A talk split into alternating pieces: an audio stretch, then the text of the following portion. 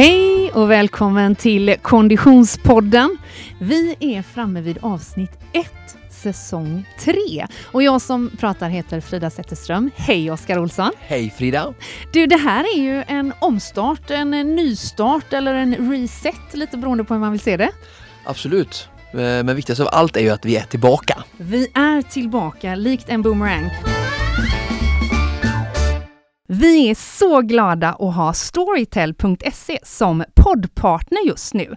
På Storytel kan du lyssna på mer än 120 000 olika ljud och e-böcker. Men jag känner spontant att jag är mer glad av en privat anledning och det är att Oskar, nu kommer du börja läsa böcker, för du behöver inte läsa dem, du kan lyssna på dem. Eller hur? Jättebra, det var många timmar att slå ihjäl. Visst är det bra? Mm. Du, eh, om vi skulle ta boktipsa lite. Mm. Eh, jag kan börja. Ja. Mm. Och jag har ju då hittat på Storytel eh, en hel arsenal utav en av mina absoluta favoritförfattare. Och det är ingen mindre än Camilla Grebe. Eh, Camilla Grebe är ju deckarförfattarinna som eh, just nu är aktuell med eh, boken Dvalan. Den har jag inte hunnit lyssna på ännu. Den ska jag ge mig på på nästa löprunda. Jag lovar, tror du mig? Mm. Ja, eller på gymmet kanske. Då ska jag lyssna på Camilla Grebe. Men jag har läst mycket av henne tidigare och Dvalan är en fristående fortsättning på en av mina favoriter, nämligen Husdjuret. Och det är husdjuret som jag tipsar om, därför att inläsare på husdjuret är Katarina Evelöv. För det är ändå så med ljudböcker att då är det rätt viktigt vem som läser upp dem också, inte bara vem som har skrivit dem. Mm. Och jag tycker att Katarina är briljant. Så boktipset från mig den här veckan blir helt enkelt eh, Husdjuret med Camilla Grebe. Kallas det skönlitteratur? Det kallas för skönlitteratur definitivt eftersom det är en deckare. Ja, mm. Jag kan. Mm. Vad tipsar du om Oskar? Jag eh, slänger då in ett tips som eh, handlar om Sebastian Staxets självbiografi. Mm. Han som mm. var eh, grundaren till Kartellen, musikgruppen hiphop i Sverige. Just det. Eh, en väldigt intressant eh, resa han har gjort genom livet.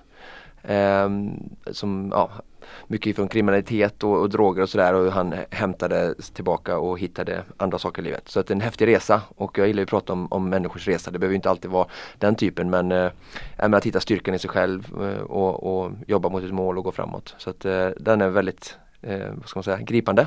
Oh, den vill jag också lyssna på. Mm. Härligt! Mm. Mm, så för dig som blir sugen på att lyssna på ljudböcker, efter att ha lyssnat klart såklart på det här avsnittet av Konditionspodden, så har Storytel.se just nu ett bra erbjudande. Du får nämligen prova fritt i 14 dagar.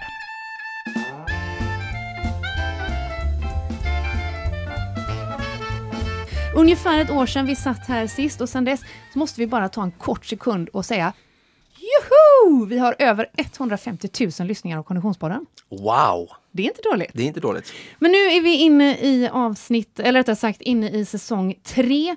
Det är hösten 2018 och man skulle kunna säga att det har hänt en hel del sedan vi såg sist. Ja, eh, i bådas liv tror jag. Eh, absolut mycket som har hänt. Mm. Vi är ju då snäppet före Sveriges regering och har upprop redan nu, vilket känns eh, bra tycker jag. Vår startelva känns också lite eh, stabilare. Eh, men om vi tittar lite grann på din träningshistorik eller din kanske tävlingshistorik framför allt. Eh, vad sticker ut? Jo men det måste väl vara det som är närmast på näthinnan på att säga här är ju Ö till Ö som mm. var swimrun VM här nu i eh, september. Eh, går ju alltid första måndagen i september. Eh, det var verkligen ett nytt och eh, spektakulärt år sett till hur swimrunsporten har utvecklat sig. Ja, för det har ju blivit något utav en explosion får man väl ändå säga inom, eh, inom denna genre. Från ett tiotal tävlingar till idag långt över hundra. Och du sa i förbifarten VM, för det är den statusen som Ötelö har? Ja, absolut. Hur skulle du säga att det har påverkat konkurrensen inom den eh, tävlingen?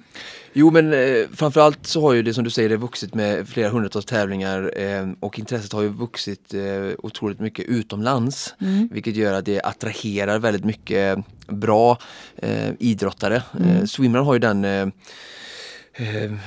så att säga, stämpeln att de attraherar idrotter från olika sporter, alltså från löpning eller från triathlon eller från simning och sådär. Var kommer de flesta ifrån? Kan man säga det? Oh, bra fråga. Eh, jag skulle nog, får nog säga ändå triathlon som ändå inkluderar både simning och löpning innan. Ja. Utan att ha något som helst belägg för detta. Mm. Eh, Men det är många starka löpare som är med och tävlar? Absolut. Och även eh, i år så var han eh, en som har vunnit eh, VM i duathlon eh, med från Tjeckien.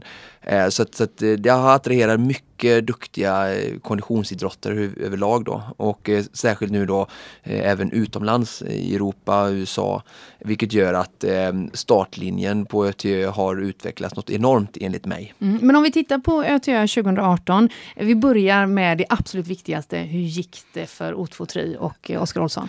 Ja, jag slutade trea ehm, Eh, och det kan ju tyckas kanske vara lite besvikelse eftersom jag var tre året innan också. Men eh, med tanke på att jag och Adriel Young som jag hade förmånen att tävla med slog det um, gamla uh, banrekordet och världsrekordet med uh, 15 minuter. Wow. Uh, så är jag ju extremt nöjd med med tanke på förutsättningarna, våran prestation för dagen, den enstående, alltså just våran prestation. Sen såklart ur ett resultatmål så vill man ju när man tävlar alltid vinna. Men alltså på tredje plats slår man gamla rekordet med 15 minuter. Precis. Det innebär alltså att kvaliteten höjde sig eh, Enormt. spektakulärt ja, det här året. Verkligen så. Okej. Okay. Och eh, ja, om vi ska ta lite kortfattat racet mm. eh, så eh, för, för, alltså, innan så är det klart man tittar, man har koll på konkurrensen och man eh, man, eh, man blir nervös och, och man blir eh, så säga, taggad att mm. verkligen få sätta tänderna i banan och få vara en del av den här häftiga konkurrensen. Alltså det ju, ju, bättre konkurrens, ju, ju, ju, roligare är det ju att, att prestera bra någonstans. Va? Man vill alltid mäta sig mot de bästa. Så att hela tiden in mot loppet så, så, så, så ser man konkurrensen hur, hur, bra den är och sen verkligen på, på race day då på morgonen där när vi står i Sandhamn eh, och startskottet går eh, så känner jag redan direkt eh, vilken eh, eh, vilken skillnad det är och, och, speciellt på första simningen där som är den längsta simningen på jag tror det är ungefär 1750 meter. Um, så, så är det ett eh, rent av slagsmål och eh, fighting om positionerna. Eh, med all rätt så som det ska vara i, i tävlingssammanhang på den nivån.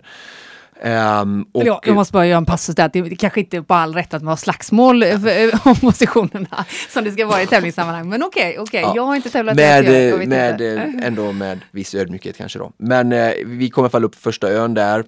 Jag och Adriel ganska bra, kommer ganska bra till men jag den ön brukar alltid vara min eh, min eh, säga, styrka. För yeah. Den är väldigt teknisk. Men med ja, två brutna ledband eh, två veckor innan eh, men framförallt en, en mycket högre puls än vanligen. Eh, på grund av konkurrensen och, och tempot och slagsmålet då, så, så är jag liksom i chock där och gör en sån kullerbytta upp på ön jag vet att han eh, skrattar och låter mig nästan få dra upp mig där. Um, men därifrån så, så kommer arbetet oss in i loppet mer och mer och jag tror att det är Ändå så är vi med och leder loppet eh, vid andra ön. Då springer jag först eh, och eh, många lag bakom. Men sen när vi kommer till eh, den första långa löpningen som är Rundmarö. Och vad, vad, vad innebär en långdistanslöpning ja, i det här sammanhanget? Vad bra fråga. Eh, den är 8,7 eh, kilometer ungefär. Mm, mm. Eh, sen har vi en till på drygt 8 och sen är det en då den absolut längsta Ornö som är 20 kilometer. Då. Men eh, de här två långa löpningarna är i alla fall, de står ut i början då som långa, relativt enkla löpningar. Och, Terrängmässigt enkla? Ja precis, på mm. grusväg. Mm. Mm. Och eh, i alla fall när vi kommer upp på den här ön då, jag har ändå kört, eh, tävlat två år innan på Ötjö och eh, varit med i täten och vet hur det, ja, både farten och vilka typer av lag och hur det ser ut. lite så. Men i år så var vi ju betydligt fler lag, så säga mer än dubbelt så många som vi brukar vara vid den här punkten. Mm. Eh, svenska och internationella. Mm. Eh, och farten är eh, just crazy. Äh, jag kan inte riktigt ta in, jag tittar på klockan och säger till Adrian bara, vi springer längst bak i den här gruppen. Aha. Och min kropp skriker och bara, okej okay, vi har hållit på i en och en halv timme. Vi springer i mellan 3.35 och 3.50 fart per kilometer. Vi brukar springa i 4.15, 4.20 kanske. Helt absurt, ja. jag känner ändå dig. du har tryckt på löpbandet och känt den här farten. Nej, benen skriker och jag springer längst bak i gruppen och säger till Adrian att det här kommer aldrig, det här kommer aldrig gå. Det finns ingen möjlighet att de här människorna orkar detta. Um, tänker du det då så vi kommer ändå ta hem det? Eller nej, tänker, tänker, du, jag, jag, kommer att dö? Jag kommer att eh, antingen bryta eller kom, inte klara topp 10. Uh, oj, det är där du är? Ja, jag är väldigt eh, dark place uh, at okay. this time. Uh. Vi är inne i den 8 km löpningen då? Ja. Och det här är ganska intressant och det är en ganska bra lärdom. Jag har många jag coachar och tränar och jag hade några som körde nu i Barcelona, eh, Ironman. Mm. Och Alltså det, jag blev återigen påmind på ett ödmjukt sätt men även här kände jag ändå att min erfarenhet kunde vara mig behjälplig att hur många gånger vi under liksom långa konditionslopp är nere och vänder mm. i, i mörka platser och gräver djupt eh, och man har olika schaktningar eh, mentalt och fysiskt.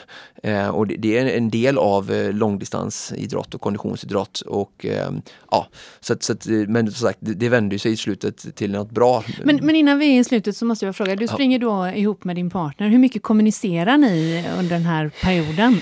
Ja, kanske mindre vi brukar på grund av att pulsen är alldeles för hög men, men ändå relativt mycket. Mm. Eh, ja, det, det, tror jag på ett lag i alla fall, att man hela tiden känner av varandra. Man känner varandra bra men att man ändå, hur mår du, dricker du, äter du, eh, lite taktik med små bokstäver då som inte kanske konkurrenterna hör.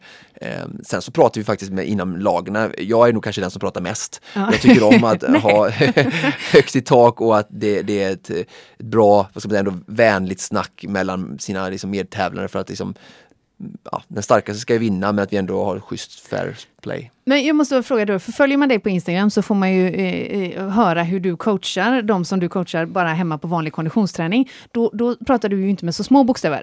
Då, då, skriker du ju med ganska mm. så mhm. feta versaler hela mm. tiden. Är det min Insta-story du relaterar till nu? Ja, det är väl det där fanns man... väl inte när vi var här sist, på säga. men men, men i, vad, vad, behöver du i det läget när, när eh, din partner vänder sig till dig och bara jo men vi, vi, vi kommer fixa detta. Vad, ska han skrika i örat på dig då eller? Har du med om han ska motivera mig? Ja. Jag tror inte det behövs eh, så i det fallet för mig själv faktiskt utan jag, jag eh, är ganska bra på att motivera mig själv i den stunden där mm. man är, man, vi bet ju oss fast i den här gruppen, vi ska tillbaka till Rundmarö, den här snabba löpningen, så återigen, så, så någonstans fastän jag sa till honom att nu måste vi släppa, det här går för fort och Adrian hade inte varit i det sammanhanget innan. Nej. Så jag kanske var den som var mest eh, erfarenhetsmässigt eh, Ehm, på känslan gällande hur fort kan vi springa här utan att vi ska dö i slutet av loppet. Yeah. För, för honom, alltså alla kan ju ändå springa i den här farten på den här nivån. Såklart. Men det handlar om att springa i den här farten då och även kunna göra det sex timmar senare. Uh. Um, och där kanske han hade saknat den erfarenheten. Och, uh, men sagt, vi bet oss fast och uh, när droppade det, for, när droppade det liksom av i tätklungan? Ja, för det landar ändå på en tredje plats. Precis det var ett eh, taktiskt drag där skulle jag säga. Vi låg ihop ganska många, så var det två lag då, de som senare slutade etta och tvåa, eh, fick en minuts lucka. Mm.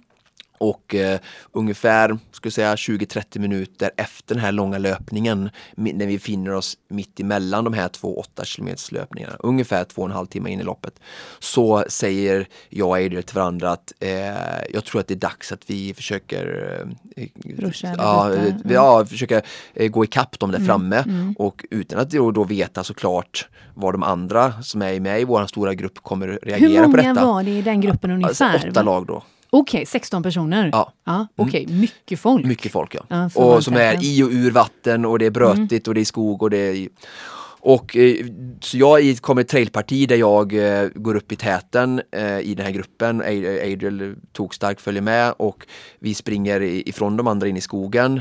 Ehm, inte medvetet utan med att vi gör allt vi kan för att komma ikapp. Ja, liksom. mm.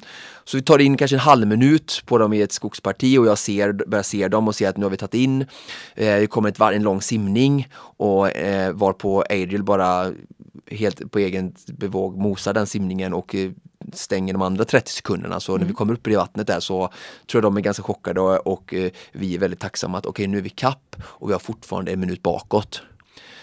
Um, så, så otroligt skönt att se Ja, klungan ja precis och speciellt när vi vet eh, det de, för, alltså, de regerande världsmästarna bakom och, och alla favoriter om man säger som ska Ja. egentligen vinna loppet är ju där. Så det är klart att det är en, det är en, man, man fylls av en boost där. Mm. Ehm, och sen då tillsammans så är Fredrik eh, och de som, som vann sen eh, och är Axagård och eh, sen även bröderna Ekman som jag känner ändå bra.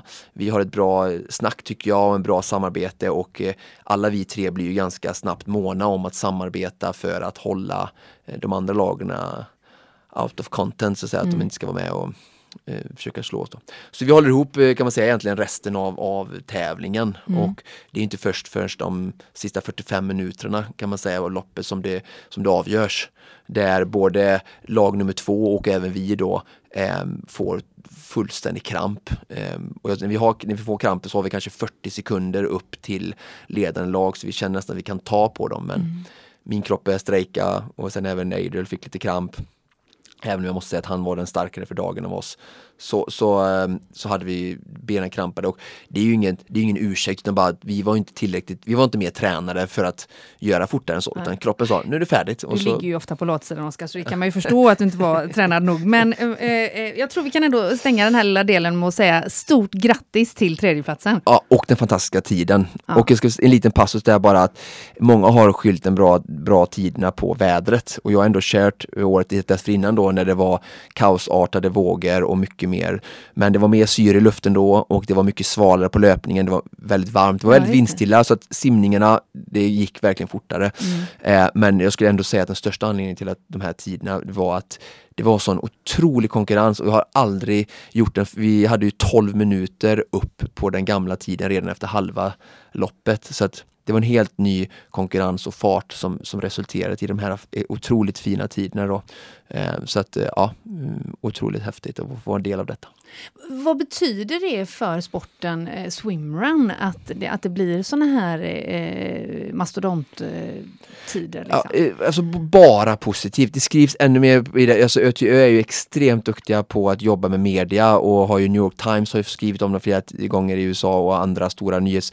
Alltså det är fransk tv med och sänder så de har väldigt bra eh, samarbete med andra. Så allt detta blir ju bara att det blir ännu mer uppståndelse såklart. Eh, Eh, precis som när världsrekord och sånt där slås. Eh, så bara positivt eh, till sporten och det kommer bara leda till att fler eh, duktiga atleter som är välmeriterade i andra sporter kommer att vilja prova på detta och mäta sina krafter. Och det är någonstans det som, som vi alla vill, att så många som möjligt vill vara med och mäta sig. För att det är då tävlingen blir så bra som möjligt. Men Ö till Ö var eh, en av höjdpunkterna under eh, året som, som gått sedan vi poddade sist. Eh, Jag vet dessutom att du har haft ett, träningsläger hemma i, i eh, Göteborg. Absolut. Man skulle kunna Eh, tro att ditt liv är ett träningsläger och det är det ju till mångt mycket. Men eh, det, det här utmärkte sig i bemärkelsen att du hade en världsmästare på plats. Absolut, Faris Al Sultan, en eh, fantastiskt eh, trevlig och eh, intressant eh, id idrottare som, som eh, har två väldigt ska man säga, starka meriter. För, förutom att han har, eh, sagt är ju under 20 år har varit i topp världselit i Ironman helt enkelt. Eh, har vunnit då VM på Kona, Hawaii eh, och eh, sen är han nu då även då tillbakadragen atlet, eh, dock i väldigt bra form, men även då huvudtränare över Patrik Lange som är han som eh, vann VM förra året då. Så, så att verkligen liksom har nu då steppat, alltså visar att han är en, en föredömlig coach. Vi pratar om. VM Ironman. Ja, Ja. på Hawaii. Och och vad tyckte han om den göteborgska träningsförutsättningen? Ja, men han, den, den var, han sa inget, han är ju tysk sådär, så, eh, i och för sig sydra, södra Tyskland så han har väl lite varmare klimat än vad vi har här men eh, vi hade faktiskt en, en solig eh, helg och eh, han var, eh, var faktiskt över förväntan och tyckte det var jättetrevligt och kom gärna tillbaka och ursäkta mig, ehm, ja det var en toppenhelg och ehm, fantastiskt kul att ha här honom och ehm, mycket erfarenhet och jag tror många deltagare som uppskattar det. Mm, förstår jag. Eh, Sen har du också gett dig på eh, en ny tävlingsgren i form av rullskidor, rullskidlopp. Ja, var kom den ifrån? Ja, var kom den ifrån? Tyckte du inte det hade att göra nog? Men berätta, du, jag vet, du, vi träffades ju faktiskt och hade lite redaktionsmöte direkt efteråt och du eh, var alldeles euforisk över hur eh, roligt detta var.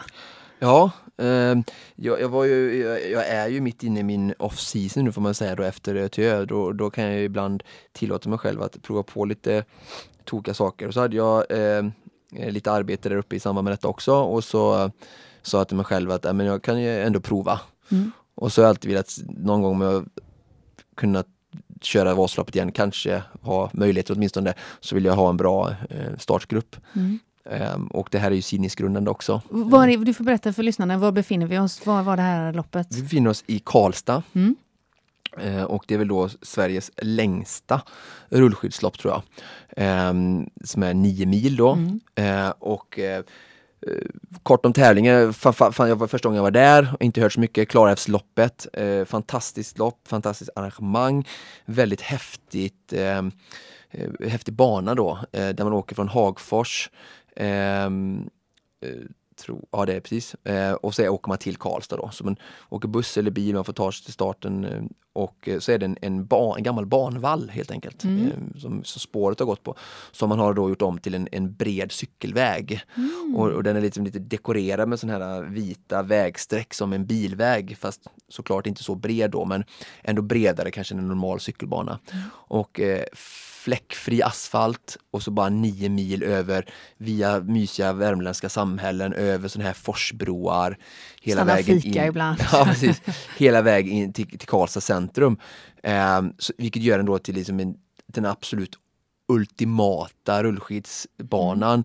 Och jag vet till och med, jag pratade med några kunder som är på centret och tränar för, för, skid, för Vasaloppet, att eh, de hade varit uppe några helger innan och åkt upp till Karlstad bara för att träna på den alltså. Mm, mm. Så de åker alltså upp liksom 20 mil för att åka på en cykelbana. Det säger också ganska mycket om, om, om möjligheterna. Men okej, okay, där i Karlstad då, fantastiska förutsättningar och det här var ju lite grann en premiär för dig. Absolut, aldrig genomfört ett eh, rullskidslopp i tävlingssammanhang på något sätt. Och, och vilken var det som samlades eh, där och då? Jo, det var ju allt ifrån motionär till elit. Samma sak som eh, Alliansloppet så har de ju väldigt duktiga på att eh, få dit duktiga elitskidåkare. Så att hela långloppseliten är ju där, de som kör ut i världscupen och är bland de bästa i världen. Så att eh, väldigt hög eh, standard på den tävlingen. Mm, jag inledde med att säga att du var helt euforisk när vi sågs efteråt, men, men vad hade du för förväntningar på dig själv?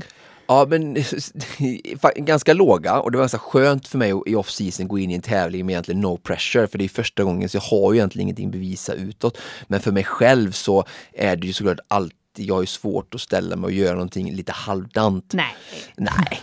Så att jag, jag hade en, jag hade en, en målsättning att um, göra under fyra timmar. Mm. Den kändes utmanande. Den kändes som att det är kanske inte min absolut topp topp prestation om jag skulle träna. Jag hade kört fem rullskidspass inför det här loppet. Mm. Och såklart en massa thorax trainer. Fem på morgonen alltså? Nej, fem stycken under 2018. Ja. Eh, och, men alltså, som sagt, förutom det så har jag kört väldigt mycket thorax trainer. Då. Stakmaskinen. Stakmaskinen mm. som du också får testa. Eh, så att, eh, det kändes ändå så här, ah, men kan jag ha en bra dag så under fyra timmar så skulle jag vara väldigt nöjd. Mm. Och vi stod där på startlinjen, vi startade på en, mitt på en stor väg som var liksom avspärrad, en jättestor 90-väg, liksom svensk riksväg. Och eh, startgård, eh, jag kom lite sent till starten. Eh, jag, jag var på bajamaja och så kom springandes och fick flytta fram mina skid, rullskidor. Och det var lite så. Men det gick bra. Eh, kom iväg där, låg väl typ tia först och sen trillade bakåt. Det gick säkert i 35 km i timmen bara på rak mark i början. Folk stakade som idioter. Och, och jag låg där liksom i mitten i högen och tänkte ja, ja det här går. Liksom, jag får hålla min puls, jag får liksom, ta det lugnt och sådär. Um, och sen, eh, ja, loppet gick vidare. Det är ju väldigt stor skillnad också att säga att rullskidor är ju lite som um, cykling. Det är väldigt mycket lagsport, även mm. längdskidåkning, men speciellt rullskidåkningen. Att där är, man har väldigt stor nytta av att uh, ligga bakom varandra just för vindfånget och sådär. Då. Mm. Så att, det är liknande, jag märkte det mer och mer under loppet att vi, man gick upp hela tiden och drog. Mm. Och eh, jag som är väldigt noga med att bidra och att vet hur det funkar i cykellopp och sånt där så jag var med där uppe i den tätklungan som jag tillhörde. Ska tilläggas då att vi, jag startade i startgrupp två av eh, sex, sju stycken då. Den första var ju eliten som åkte iväg. Yeah. Så där var inte jag med. Elit eh, inom skidåkning? Ja, inom skidåkning. Ja. Yeah. Eh, världselit verkligen. Mm. Då. Och eh, så jag var väl elitmotionärsgänget då. Mm. Och, eh, men jag, så jag var med längst fram i den gruppen och vi hjälptes åt att gå runt och, och, och dra och växeldra.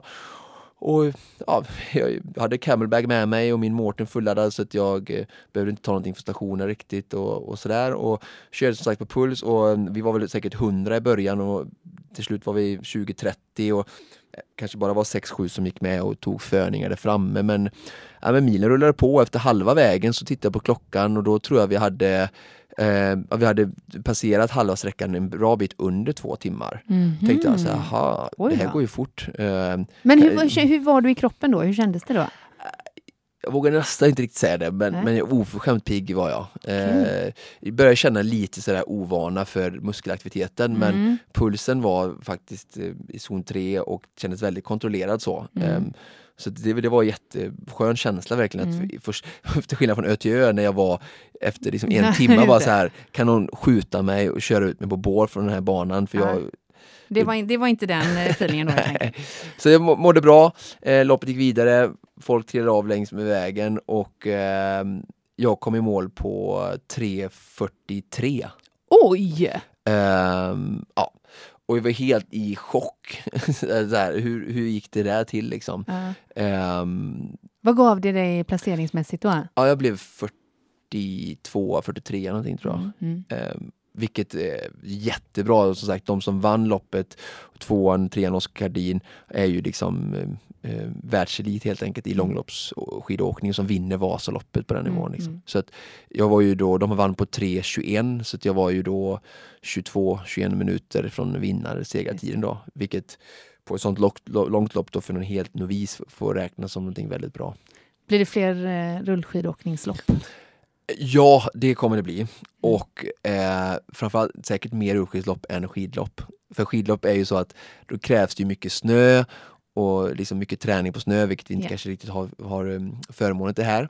Men um, nej, absolut att det blir mer rullskidslopp. Jag kände att det kanske jag har lite fallenhet för. Vi har inte pratat så mycket rullskidor eh, eh, hittills i Konditionspodden. Eh, det kommer definitivt att komma framåt i, i eh, den här säsongen. Men annars är ju Alliansloppet eh, världens största, har jag precis fått lära mig, i Trollhättan. Vad kan man säga om det? Och alltså de, har ju, de är ju extremt duktiga på organisation och anordna och eh, de gör ett, det är Magnus Larsson och eh, eh Magnus Ölme som är ledare där i Trollhättan och eh, de är ju de har ju med hela, hela ledet från barn upp till seniorer och elit. Mm. Um, och jobbar mycket med skola på plats där och, och har flera olika distanser, det är flera dagar, de har även cykel och så det är ju, ja, det är, de har verkligen lyckats med det loppet. Mm. Um, så att, um, ja, det är häftigt rullskidslopp i, i Trollhättan. Tredje helgen i augusti gick mm. Eh, det loppet. Och, och, det är så enkelt som att man kan träna skidåkning på sommaren helt enkelt. Eh, som, förutom att det naturligtvis är fantastisk konditionsträning då. Ja. Eh, jag tror att det, ibland kan rullskidor vara lite avskräckande eh, för vissa och jag förstår det, det finns inga bromsar på rullskidor. Mm. Men om man, eh, det är väldigt bra alternativ träning, det är väldigt roligt att vara ute och göra någonting annat kanske än att springa och cykla om man gör det ofta. Men sen är det såklart den, den ultimata träningen för längdskidåkning mm. när man inte har tillgång till snö, vilket ändå är stora delar av Sverige är ganska vanligt. Mm. Så att det handlar mer om att ja, men kanske då vända sig till någon som kan hjälpa en lite och sen välja då platser eh, som till exempel här i Karlstad eller andra. Här i Göteborg har vi ju Särleden som är välbesökt eh, bland rullskidsåkare. Hitta bra platser där man kan, eh, där det inte finns så mycket eh, korsningar, trafik eller nedförsbackar då. Mm ehm, och ge sig ut och bara träna helt enkelt. Och så måste ju underlaget vara av största vikt. Alltså, Nej, det gör det faktiskt inte utan de här hjulen eh, går faktiskt ganska bra på det mesta.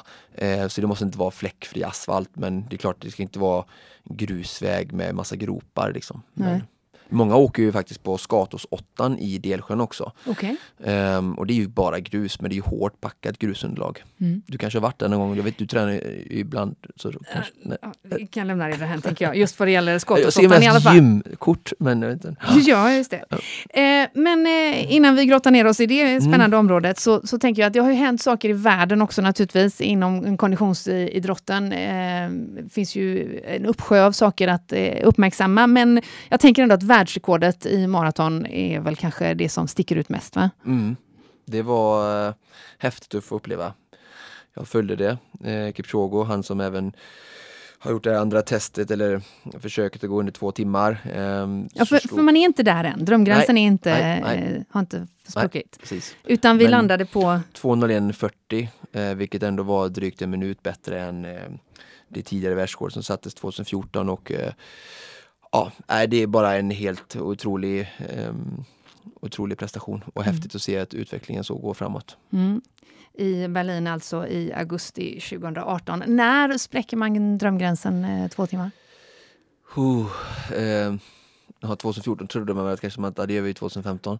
Eh, så nu säger vi 2018 och gör det 2019. Men eh, jag säger 2021 då. 2021. Då har du ditt på det torra helt enkelt. Mm. Eh, vi ser fram emot eh, en höst och vinter eh, och så småningom vår med Konditionspodden. Eh, vi är som sagt i säsong tre nu. Vi kommer bland annat ha ett klassikerfokus eh, framöver. Absolut. Vad betyder det Oskar? Jo men att vi ska försöka täcka alla de här uh, fyra grenarna i alla fall för det är många som håller uh, som tränar framförallt för en klassiker. Och sen det är ju alltså då skidåkning, eh, cykel, simning och löpning i den ordningen om man börjar med Vasaloppet. Eh, så det täcker vi in ganska många sporter. Mm. Eh, så även om man bara håller på med löpning så kommer man få mycket. Men eh, jag gillar den, eh, den inriktningen att ha en svensk klassiker. Sen såklart att vi kommer ha mycket andra spännande gäster mm. och andra eh, konditionsnördiga ämnen som ska förhoppningsvis göra våra lyssnare mer mm, träningsmotiverade. Precis, och är det så att man lyssnar och känner att jag fixar inte klassiken i år heller, så är man mer än välkommen att eh, fortsätta lyssna ändå. Vi kommer till exempel nästa vecka när vi hörs igen och prata om eh, träningsplanering. Absolut. Det ser jag fram emot redan nu. Det var allt vi hade att bjuda på för idag. Vi tackar för oss. Eh, Konditionspodden produceras som vanligt av Fredag. Connecting Brands with People. Hej då!